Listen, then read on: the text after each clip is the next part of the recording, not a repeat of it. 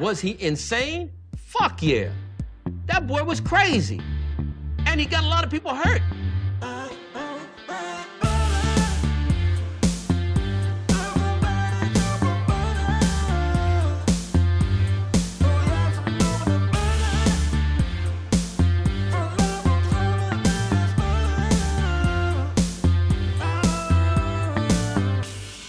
Like butter? I fucking love butter. I fucking love it. What's up, motherfuckers? Welkom bij een nieuwe aflevering van de Zonde van Je Tijd podcast. Een podcast waarin niet alleen mijn, maar ook uw kostbare tijd wordt verspild met absolute klinkklare onzin. Ik hoop dat deze podcast jullie treft in een blakende gezondheid, dames en heren. Ik moet zeggen dat ik super fan wakker ben gewoon. Ik had een hele gekke droom. In mijn droom eh, kwamen voor ehm Leontine Borsato. En Leontine Borsato, die eh, was eh, eh, een, ehm, hoe noem je dat? Die mensen die altijd tijdens, een, ehm, tijdens de tentamens en dat soort shit altijd de, de, de boel in de gaten hielden. En toen ik, ik, ja, voordat ik gaan slapen was, had ik een podcast gekeken van Corey Holcomb. Dat is een Amerikaanse comedian die helemaal gestoord is. In mijn droom had ik dus een project zou ik dus een podcast met hem gaan beginnen. En zouden we mensen gaan interviewen en dat soort shit. En dat gebeurde allemaal op mijn oude basisschool. Mijn oude basisschool komt regelmatig nog wel eens terug voor mijn, eh, voor mijn, is regelmatig nog een setting voor mijn dromen. En in mijn basisschool stond ook een snoepwinkel en van alles en nog wat. En ehm, hij en ik gingen dus, ehm, gingen dus, zaten we dus een podcast op te nemen met iemand. Terwijl er een wedstrijd bezig was, volgens mij een vecht- bokswedstrijd. En ik wou op een gegeven moment wou ik naar het toilet gaan, maar ik moest dus langs Leontien Borsato gaan. Leontien Borsato zat daar dus op een tafel met nog iemand. En die moest dus zogenaamd eh, controleren. Ze zei van, ja, nou heb je die en die vraag al gedaan? Ik zei, nee, die heb ik nog niet gedaan. Ze zei, nou, dan moet je naar die toilet. En toen was ik naar dat toilet. En dit gebeurde allemaal op de tweede verdieping van, eh was waren de bovenbouw toen van mijn oude basisschool. En toen ben ik naar die andere liep gekomen. Ik zeg, fuck natuurlijk, ik heb nog een tentamen te maken. En ik was alleen maar bezig met die andere shit. Misschien, is dat, misschien zegt dat wel iets. Misschien zegt dat deze hele droom wel iets. Dat ik eigenlijk eh, iets belangrijks had moeten doen. Maar waar ik me helemaal ergens anders mee bezig ben. Dus het kan, ik weet het niet. Ze zeggen kennelijk een droom over je school of zo. Ik moet even uitzoeken. Wat betekent het als je droomt over...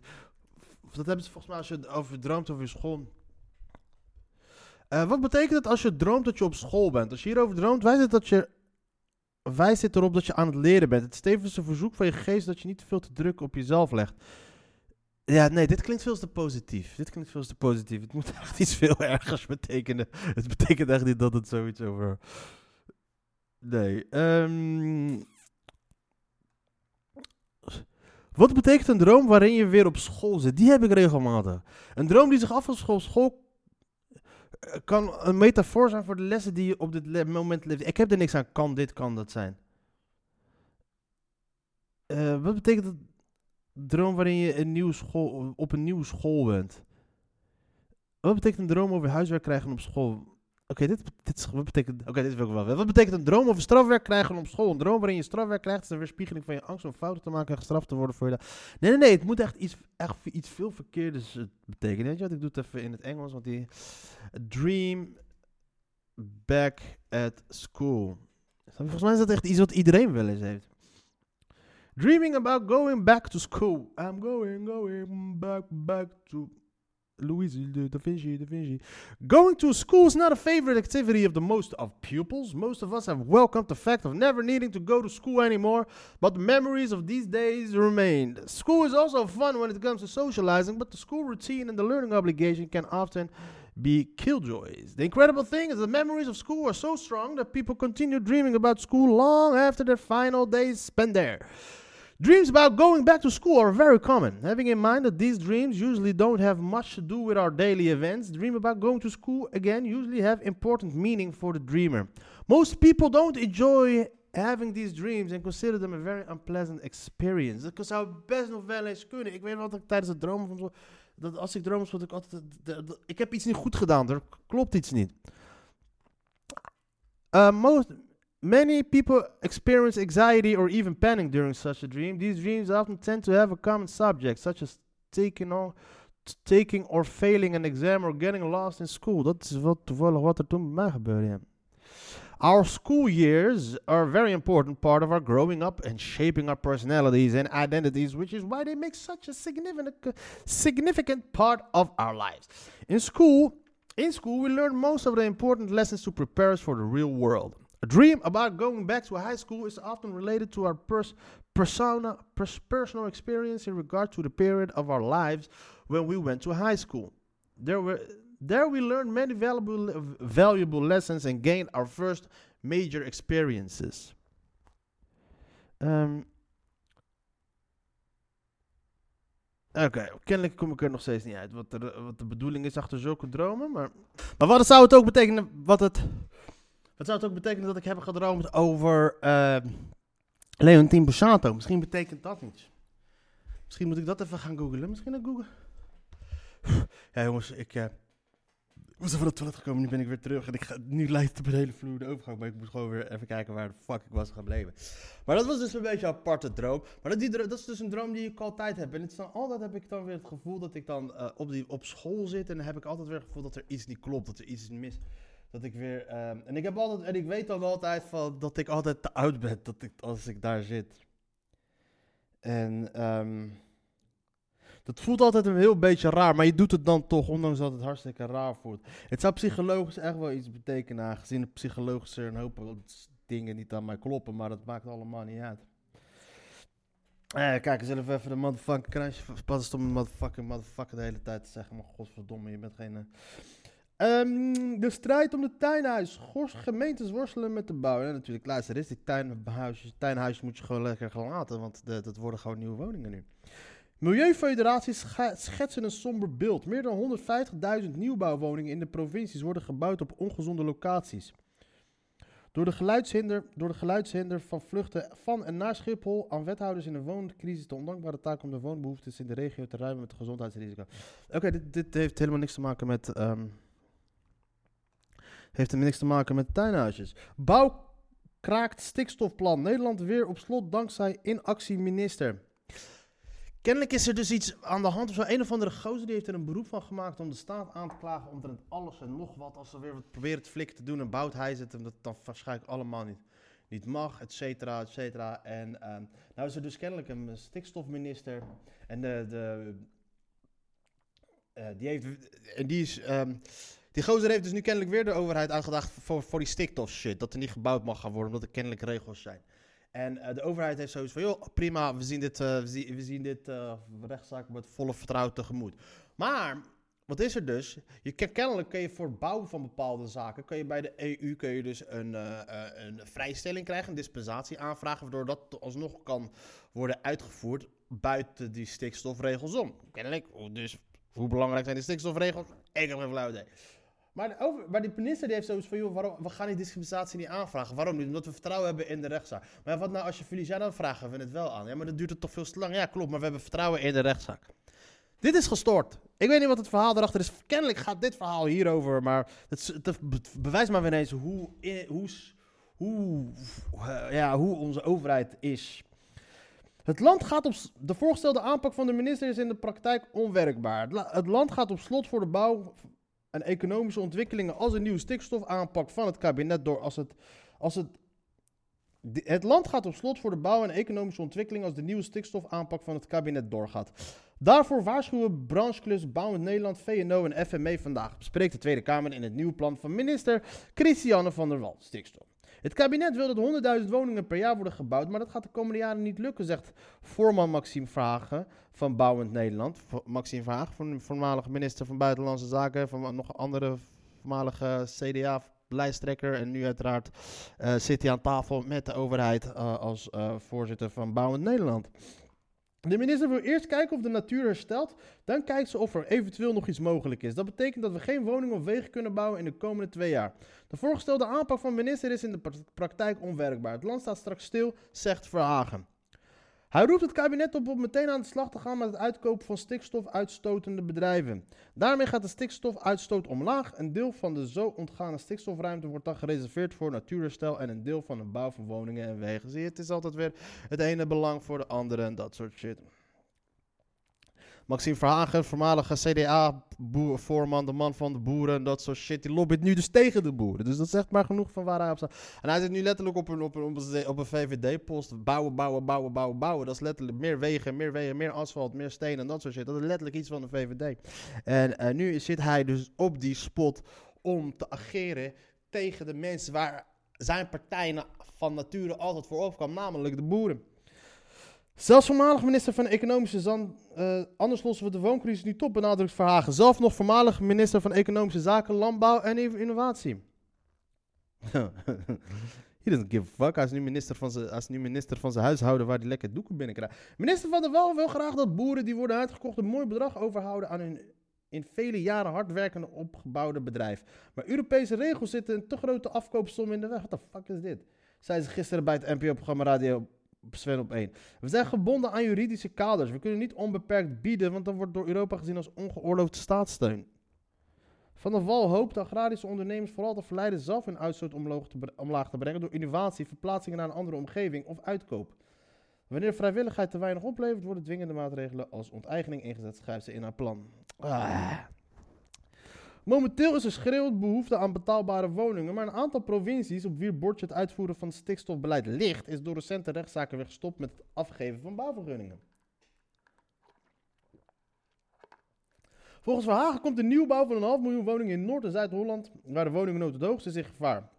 Ook de energietransitie staat op losse schroeven, want woningen kunnen niet meer verduurzaamd worden en ook schonere fabrieken kunnen niet worden gebouwd. Zo vreest de bouwvormer na bestudering van het, voor, het, van het voorstel van de Waal. Nou, kijk, moet ik kijken. Maxime Verhagen is nu een voorzitter van een bepaalde groep, dus hij dient hun belangen. Dus in hoeverre moet ik... ehm, zal het allemaal kloppen? In, in, hoeverre klopt het allemaal wat deze man hier zegt? Of probeert hij hier gewoon een ministerie onder druk te zetten? Geen flauw idee. En aan de andere kant verbaast het mij ook niks gewoon dat de overheid gewoon echt kanon een flauw idee hebben van wat de fuck ze aan het doen zijn. Zoals ik al net aangaf, dat verhaal van die man die de overheid aanklaagt. En zij zoiets hebben van, joh, joh, het komt wel goed. Eh mondkapjesdeal krijgt extra spanning door privémail. Uiteraard blijkt natuurlijk nu dat ehm, niet alleen was Hugo de Jonge betrokken bij het eh mondkapjesdeal. Hij heeft het ook nog eens gedaan via, ehm, via zijn privémail. En eh gisteren of eergisteren werd hem gevraagd waarom hij ermee was gestopt. En toen werd hem erop gewezen dat het sterk afgeraden werd. Toen zei hij van ja, nou, het, eh, het is omdat het mij eh, is gewezen. Meneer eh, de Jonge, waarom heeft u, bent u gestopt met het gebruik maken van uw privémail? Nou, omdat hij, ik, de, mij, ik erop ben gewezen omdat het sterk afgeraden is. Nou, hij lult uit zijn motherfucking nek. Het is hem al jaren geleden toen hij minister was geworden, was hem al aan, dat het niet, werd hem al verteld dat het verboden is om je privémail te gebruiken. Het is niet afgeraden om het, het is niet afgeraden om het te doen pas nadat hij de Volkskrant met een artikel naar buiten kwam. Nee, het is hem verteld, het is hem, het is hem verteld dat hij het niet mocht doen de dag dat hij werd beëdigd als minister. Snap je? Nieuwe bestuurscultuur, maar- pam pam. Snap je? Zoals ik al eerder heb gezegd, er gaat niks gebeuren met Hugo de Jong. Hugo de Jong heeft nu, is, heeft nu zoveel scheid nu zelfs, dat hij ondanks dat voor die mondkapjes, die waar hij zelf niet verantwoordelijk is nu, eh, maar wel eh, erover heeft gelogen, nu naar de Kamer gaat. Want hij weet dat er toch niks gaat gebeuren. Hij weet dat er niks gaat gebeuren. CDA-minister Hugo de Jonge moet zich opmaken voor een pittige debat over de mondkapjesdeal met Sievert van der Linde en het omstreden gebruik van zijn privé-e-mail voor zakelijke doeleinden. Zelf denkt hij dat hij het debat wel gaat overleven, maar politiek Den Haag is daar nog niet zo zeker van. Nou, geloof me, Badder. eh, ik, Badder zegt jullie bij deze, hij gaat deze shit echt overleven. De coalitie wil hem niet laten vallen, maar vreest ook een uitgeleider door zijn overmoed. Het verbaast me niks. Hij is iemand waarop je altijd kunt bouwen, maar als hij klaar is, kunnen er wel een paar wat kapotte eieren op de grond blijven liggen. Dus een VVD-bewindspersoon. Met andere woorden, luister eens, eh, wat ze hier, hier zeggen is, ja, je kan het op hem bouwen. We gaan hem nooit laten vallen. Ze zijn alleen bang dat her en der wat kapotte eieren gevallen. Met kapotte eieren bedoelen hij dat uite- uiteindelijk. En daarmee bedoelen ze het schade aan andere mensen binnen de coalitie. Dat is waar ze bang voor zijn. Het is niet dat ze bang zijn dat hij niet zich niet kan verantwoorden. Dat is waar ze bang voor zijn. Mond dicht en rijen gesloten houden. Dat was de marsroute die het CDA aanvankelijk koos. Toen op straat kwam te liggen dat Hugo de Jonge zich wel degelijk had bemoeid met de mondkapjesdeal met Van Linde. Maar in die communicatiestrategies zijn inmiddels barsjes gekomen. Nieuwe onthullingen dat de jongen als minister zijn privé meermaals heeft ingezet voor zakelijke aangelegenheden verergerden de zaak. Niet alleen de jongen, maar het complete kabinet staat in zijn hemd, valt in de coalitie te beluisteren. Vanuit zowel CDA als de rest van de coalitie werd onlangs meerdere bronnen de afgelopen dagen dan ook de druk opgevoerd. Het bracht de Jong eh, er dinsdag toe om na lang tegenstribbelen alsnog openheid van zaken te geven over zijn handel en wandel. Coalitiepartijen zijn niet van plan om de jongen te offeren. Fuck no, dat gaat niet gebeuren. Als een, als coalitiepartij een motie van wantrouwen steunt, dan heb je kabinetscrisis, steunt de coalitiebron. Maar ze vinden wel dat hij tijdens het debat zijn eigen boontje moet doppen. Zowel VVD, D66 en ChristenUnie zouden de jongen donderdag, wanneer de Kamer over de kwestie debatteert, met een goed verhaal moeten komen en D-moed zal, laten moeten laten, zal moeten laten zien. En dat laatste is nou niet per se zijn sterkste kant, klinkt het scherp. Kijk, ze doen hier zijn alsof ze heel erg kritisch gaan zijn, alsof ze, maar de beslissing is, gaan, is al genomen. We gaan hem niet laten vallen, wat er ook gebeurt. Hugo de Jonge blijft. Klaar. Klaar. Hij blijft. Kost wat kost. Dat is een... eh, dat is een... ehm, eh, ik denk dat, hij, dat een deal tussen hem en Rutte. Luister eens naar alles wat met corona is gebeurd. Eh, wat ik heb opgehoven, kost wat kost, wil ik gewoon zorgen dat ik niet eh, word, dat, ik, dat jullie mij niet in de steek gaan laten, gaan laten vallen. Rutte heeft er scheid aan ten eerste, maar ze gaan hem niet laten vallen daar, hij is een te trouwe soldaat. De oppositie slijpt al geruime tijd de messen en had gehoopt om dinsdagmiddag extra munitie voor het debat te vergaren bij een technische briefing van Deloitte. Maar onderzoekers zouden toelichten hoe, hoe, het ervoor staat met hun onderzoek naar de mondkapjesdeal. Maar dat liep uit op een deceptie. De onderzoekers stelden direct bij aanvang van de briefing al niet op individuele zaken in te willen gaan. Natuurlijk niet. Wie bepaalt, bepaalt. En de overheid betaalt. Dus daarom zijn we ook zoiets van, fuck it. Kamerleden die aandringen op informatie over Van Linde en de appjes van de jongen kregen herhaaldelijk nul op het request. We kunnen straks in het debat op basis van deze technische briefing eigenlijk alleen maar zeggen hoe uw bureau te werk gaat, vatte Caroline van de anticlimax samen. Deze motherfucker gaat niet weg. Kost kost, deze motherfucker gaat niet weg. Hij blijft zitten waar hij zit. Hij weet wat hij, weet. Of hij is echt helemaal zat, zijn hele motherfucking politieke shit. En hij gaat daarheen en hij verbrandt alle bruggen. En hij gooit iedereen voor de bus. En net zoals, fuck it jongens, I'm, I'm, I'm going out guns blazing en ik neem iedereen mee. Dat, maar dat zou ik me niet verbazen, want wat de fuck zou hij moeten gaan doen? Hij heeft geen aandacht meer. Of is die stress hem echt zo erg geworden? Miljoenen bonus topman Smit van KLM werkt Torn. Dat is fucking lap shit. Deze motherfucker krijgt 3, 4 miljoen euro mee. Terwijl zijn bedrijf letterlijk duizenden mensen zijn ontslagen. Eh, de bonus voor Air France KLM topman Ben Smit werkt de toorn van het kabinet, Tweede Kamer en vakbonden. Minister Sigrid Kaag vindt het onacceptabel en niet begrijpelijk dat Smit miljoenen in zijn zak steekt over een jaar waarin het bedrijf opnieuw miljarden verloor en overheidssteun kreeg. Kamerleden vragen om een harde aanpak. Ik vind het onbegrijpelijk, zegt Kaag over de bijna 3 miljoen euro die Smit over 2021 incasseert. De minister zegt dat Nederland als aandeelhouder de afgelopen dagen nog aan Air France KLM heeft duidelijk gemaakt tegen de bonus te zijn. Maar te vergeefs. Ik vind het niet acceptabel, maar vooral onbegrijpelijk dat je dit zelf wilt en denkt dat het goed is, zegt ze over Smit. Ja, maar je moet even ingrijpen. Niet, niet inspelen op de moraliteit en de ethiek van mensen die aan de top zitten. Aan mensen die voor de vraag zijn gesteld of ze wel of niet 3 miljoen aan zichzelf moeten uitkeren. Dat is een vraag die je nooit aan dat soort mensen moet gaan stellen. Dat is ook een vraag die je nooit aan mij moet gaan stellen. Want ik zou altijd zeggen van ja, ik, ik, ik vind dat ik daar recht op heb. Jij bent een fucking minister van, van, van Financiën. Je moet ingrijpen, zorgen dat het niet gebeurt. En niet in de media gaan lopen schreeuwen dat het wel over hoe wel of niet kan. Je bent een fucking groot aandeelhouder toch van de KLM. Stel de eisen, stel de regels op wat wel of niet kan. Nederland zal op de aandeelhoudersvergadering tegen de bonus stemmen en daar kenbaar maken dat wij het ongepast vinden. Maar Kaag rekent erop dat de Nederlandse vertegenwoordiging op die vergadering in de minderheid is. Vorig jaar verzette toenmalige minister Wopke Hoekstra van Financiën zich ook al tegen de bonus die Smit toen eveneens incasseerde. Maar hij stond daar alleen in. Dus wat hebben we uiteindelijk geleerd van deze les? Geen tyfus, want het gebeurt daarna weer. En daarna ga je weer zeggen, ja, we zijn het er niet mee eens. Maar dan geef je, gaat het toch gebeuren. Volgende keer moet je wel gewoon zeggen van luister, is oké, okay, de overheidssteun, min 3 miljoen. Klaar, doe dat. Neem actie het moment dat jij aan het woord bent en zij naar jou toe komen voor overheidssteun. Niet wanneer er iets naar buiten komt in het nieuws en jij kan zeggen van, oh, oh, oh, oh, met een vingertje kan wijzen. Oh, kijk eens hoe slecht. Oh ja, maar we kunnen toch niks aan doen. SP-Kamerlid Mahir Alkaya vindt dat Kaag nu effectiever moet ingrijpen dan vorig jaar. Vorig jaar hebben ze niet ingegrepen, ouwe. Eventueel door te dreigen met het intrekken van de miljarden die de overheid heeft vrijgemaakt voor de luchtvaartmaatschappij om de coronacrisis te overleven. Deze nieuwe regering moet echt beter zijn best doen. Ook met pressiemiddel als, al- ook met, ook met als pressiemiddel alle steunmaatregelen. Ja, fuck ja! Hoe bedoel je, als jouw mening niet wordt gewaardeerd het moment dat iemand 3 miljoen aan zichzelf uitkeert? Je bent minister van Financiën. Je hebt er, jij, eh, jij vraagt iemand om 3, miljoen- geen 3 miljoen naar zichzelf uit te keren. En iedereen binnen dat bedrijf vindt het. Nee, wij vinden van wel. Nou, oké. weet je wat, eh, ik heb ook vergaderd met mijn mensen. En iedereen bij ons heeft zoiets, die miljardensteun. Eh, nee, we doen het niet. Onderdrukken, gewoon, gewoon maffia-style. Yo, you want this money? Hey, die staatssteun. Het zou wel fucked up zijn als er wat, wat ermee gebeurt. Hé hey man, zie je de fijne? Dat is een hele mooie eh, staatssteunpakketje wat je daar hebt, man. It would be a shame if something happened to it, my friend. Wink, wink. Doe dat, die shit. Gewoon maffia-style. Ook PvdA-kamerlid Henk Nijboer vraagt om een strengere reactie. Onbegrijpelijk dat het kabinet dit maar laat passeren. Het grijsseizoen lijkt weer begonnen, voetert ook VVD-kamerlid Elko Heijnen. Hij voetert omdat hij in de kamer zit en niet bij de grijers zit. Hij dacht, godverdomme, waarom zit ik hier? Hij wijst erop dat Smit gebruik maakt van mazen in de Europese regel, waardoor hij ondanks de staatssteun die het bedrijf krijgt toch een bonus kan pakken. Zo hengelde vorige Smit ook al miljoenen bonus binnen. De Telegraaf meldde maandag op basis van het jaarverslag van Air France KLM dat Smit een aandelenbonus van 2 miljoen euro krijgt. Plus nog een variabele lange termijn bonus van 1,1 miljoen euro. Dat komt bovenop zijn normale salaris van bijna 1 miljoen euro. Volgens mij als je aandelenbonus, volgens mij als je fucking verlies hebt, waar komt, waar, komt, waar komt die winst dan vandaan? Als hij een aandeel heeft en hij krijgt de winst op zijn aandelen, oké. Maar volgens mij heeft KLM en Air France hebben toch geen winst gedraaid. Dus wat de fuck is een aandelenbonus? Wat de fuck is een aandelenbonus? Aandelenbonus. Betekenis, definitie van aandelenbonus.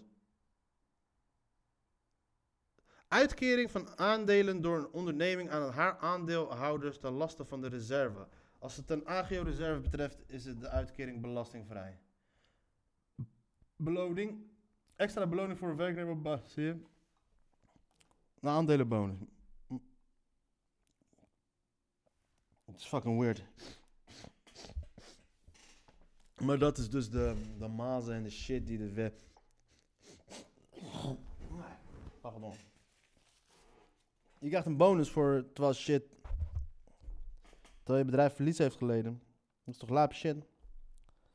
Bouwbranche verbijsterd. Maxime, Maxime Verhagen hekelt het stikstofbeleid van minister Van der Wal.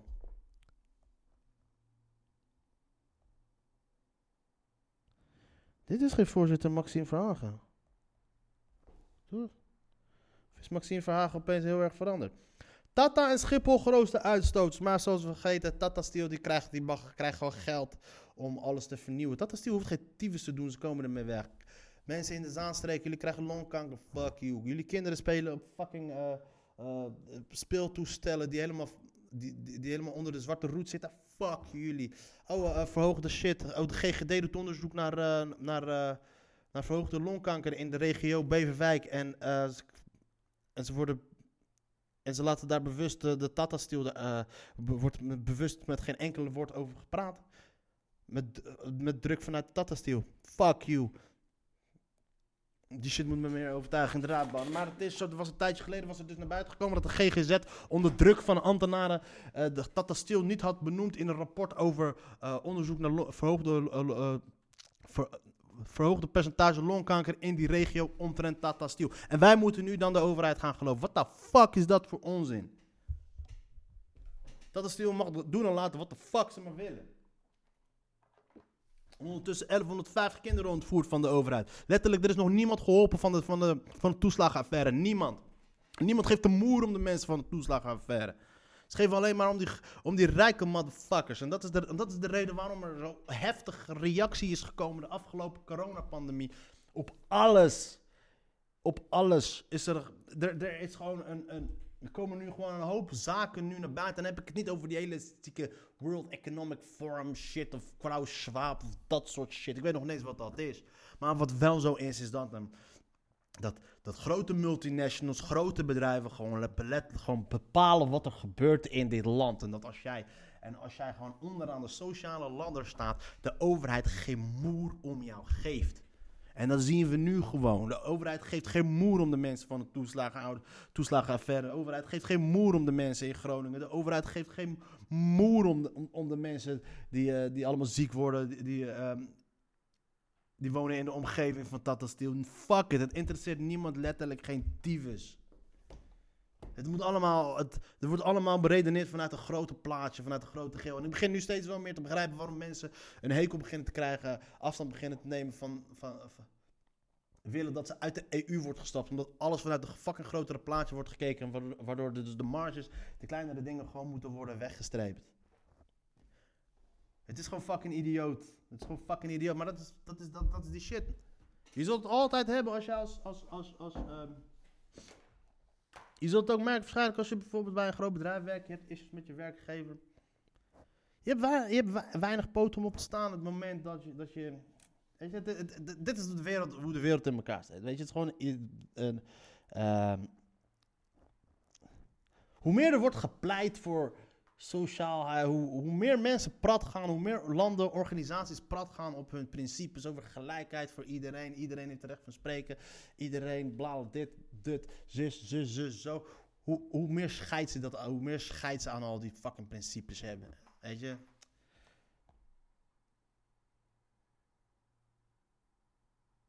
Even kijken. De, kijk, wat hebben we nog meer? Uitzondering voor blok op anti-draaideurbeleid. Nou, snap je? Dat is weer fucking hell. We doen uh, kennelijk als er dus een draaideurbeleid. Politici mogen dus niet meer eh, van eh, als ze klaar zijn bij een functie, als ze klaar zijn bij een ministerpost, in hun nieuwe functie een andere functie aannemen bij hun voormalige ministerpost. Nou, maar ja, het is. De, in de, de eerste keer dat er sprake daarvan is, wordt er meteen uit, een uitzondering gemaakt. Voor uiteraard de VVD'er Stef Blok. Het ministerie van Buitenlandse Zaken heeft een uitzondering gemaakt voor Stef Blok om aan de slag te gaan als nationaal sanctiecoördinator volgens het draaideurverbod. Volgens het draaideurverbod, dat binnenkort van kracht wordt, mogen oud-bewindspersonen twee jaar lang geen opdrachten aannemen van hun oud-ministerie. Daarmee wordt vriendjespolitiek meteen worden voorkomen. Nou, ik weet niet. Ik weet niet wat de fuck. Eh, Contactverbod voor man die na 20 jaar plotseling vrouw stalkte. Het nachtmerrie is voorbij, tenminste voor de komende drie jaar. Raymond S., haar stalker, mag drie jaar lang niet in de buurt komen. Ook mag hij niet in op een andere manier contact zoeken met haar. Dat blijkt uit het vonnis van de Alkmaarse rechtbank dinsdag. Eh geldruzie, mogelijk motief dubbele moord. Dat zijn, van de AB's die neergeknald zijn in, in, eh, in Zwolle bij de uh, McDonald's.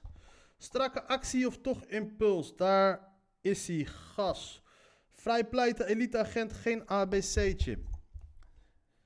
Politiegeweld ligt gevoelig, maar over het doodrijden van de Apple-gijzennemer door een operator van de dienst speciale interventie hoor je, niemand. De politie ziet het onderzoek van de Rijksrecherche en het Openbaar Ministerie met vertrouwen tegemoet. Is het vrijpleiten van de politiechauffeur in zijn gepantserde BMW van het DCC een ABC'tje? Ik ik denk dat iedereen in principe gewoon... eh, die man had absoluut, eh, die moet de prijs krijgen, want hij wist niet zeker of die man een bom had, ja of nee. Dus hij moest die motherfucker uitschakelen. Dus dat is uiteraard is dat een ABC'tje. Al zou ik het wel vet vinden als de politie hierop wordt aangepakt, omdat ik dan vind van, joh, de politie moet een keertje... Hoe vaker de politie ergens op de vinger wordt getikt, hoe leuker ik het vind. Ehm, bij het beoordelen van de politieoptreden bij de Apple-gijzeling hangt veel af van de verklaring van de agent die de dader ramde. Daarop wijst de Alkmaarse advocaat Jeroen Dallinga. Hij is, van hij is een van de twintig ervaren strafpleiters in het land waarop agenten indien nodig een beroep kunnen doen. Het lijkt een heel strak geregisseerde en uitgevoerde actie, maar kan helemaal niet zo zijn bedoeld. Na veel zaken heb ik geleerd, ga niet zomaar af op wat je ziet.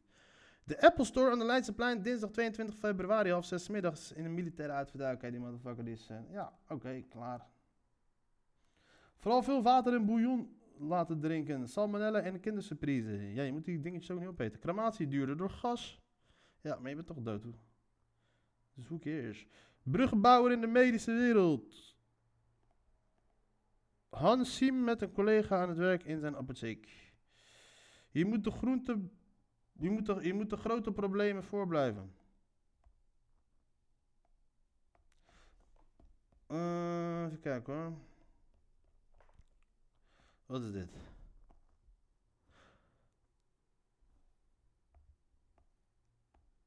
Eh, sekslijn als leuk bijbaantje. Oké, wie ben? Marley. Joy Dilemma en vriendin klussen bij met zwoele verhaaltjes.